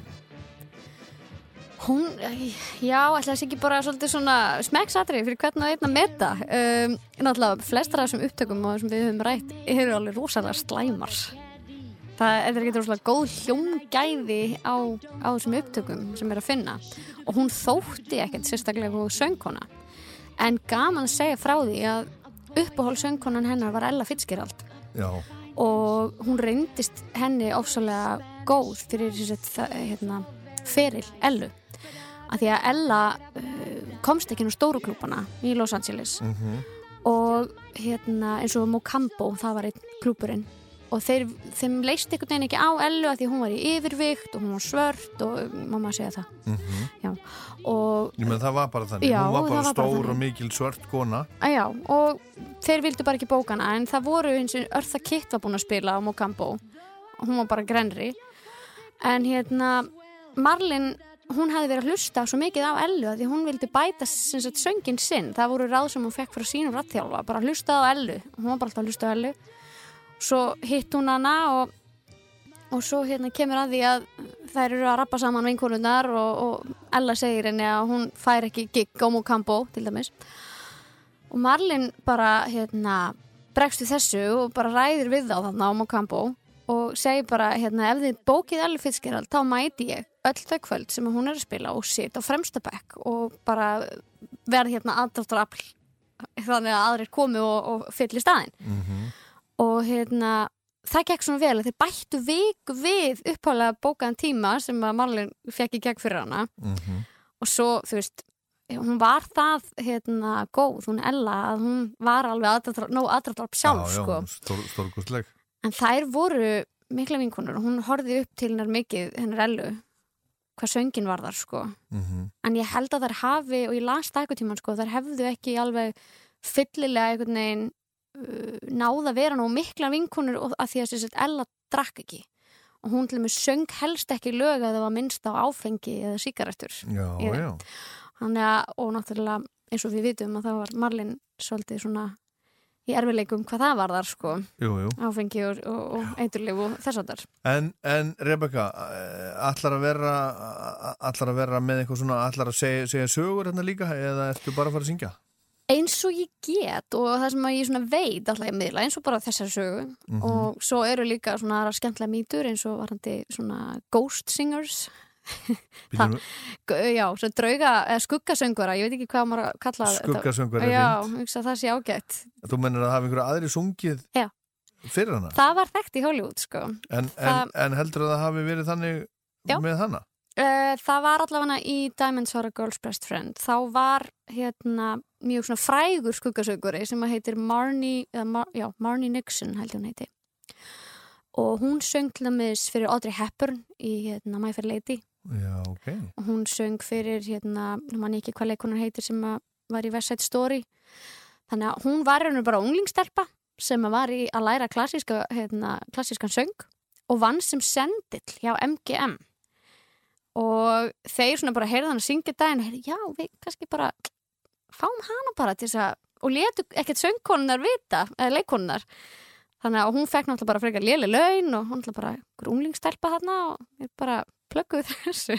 Já, merkilegt. já, Ætlar að syngja Diamonds Are Girls Best Friend? Já, það fær að vera með. En þú fara að velja hérna síðasta lagi sem við heyrum. Fæ ég að með, velja það? Með Marlín, núna. Þá langar mig eiginlega svolítið að velja mm, Running Wild þó það sé stutt. Running Wild, ég Já. ekki því. Það er úr bíómyndinni Some Like It Hot. Já, það er mjög stutt. En það er það er svona fangar stuðið sem að við erum að okkur langar þannig að það verður, verður stuð þarna hjá okkur. Já. Góða skemmtun. Takk. Og svona slóðu botnin í Rockland ég heit Ólaður Páll. Geti alltaf hlusta á rú.is og í spilaranum. Takk fyrir að hlusta. Alltaf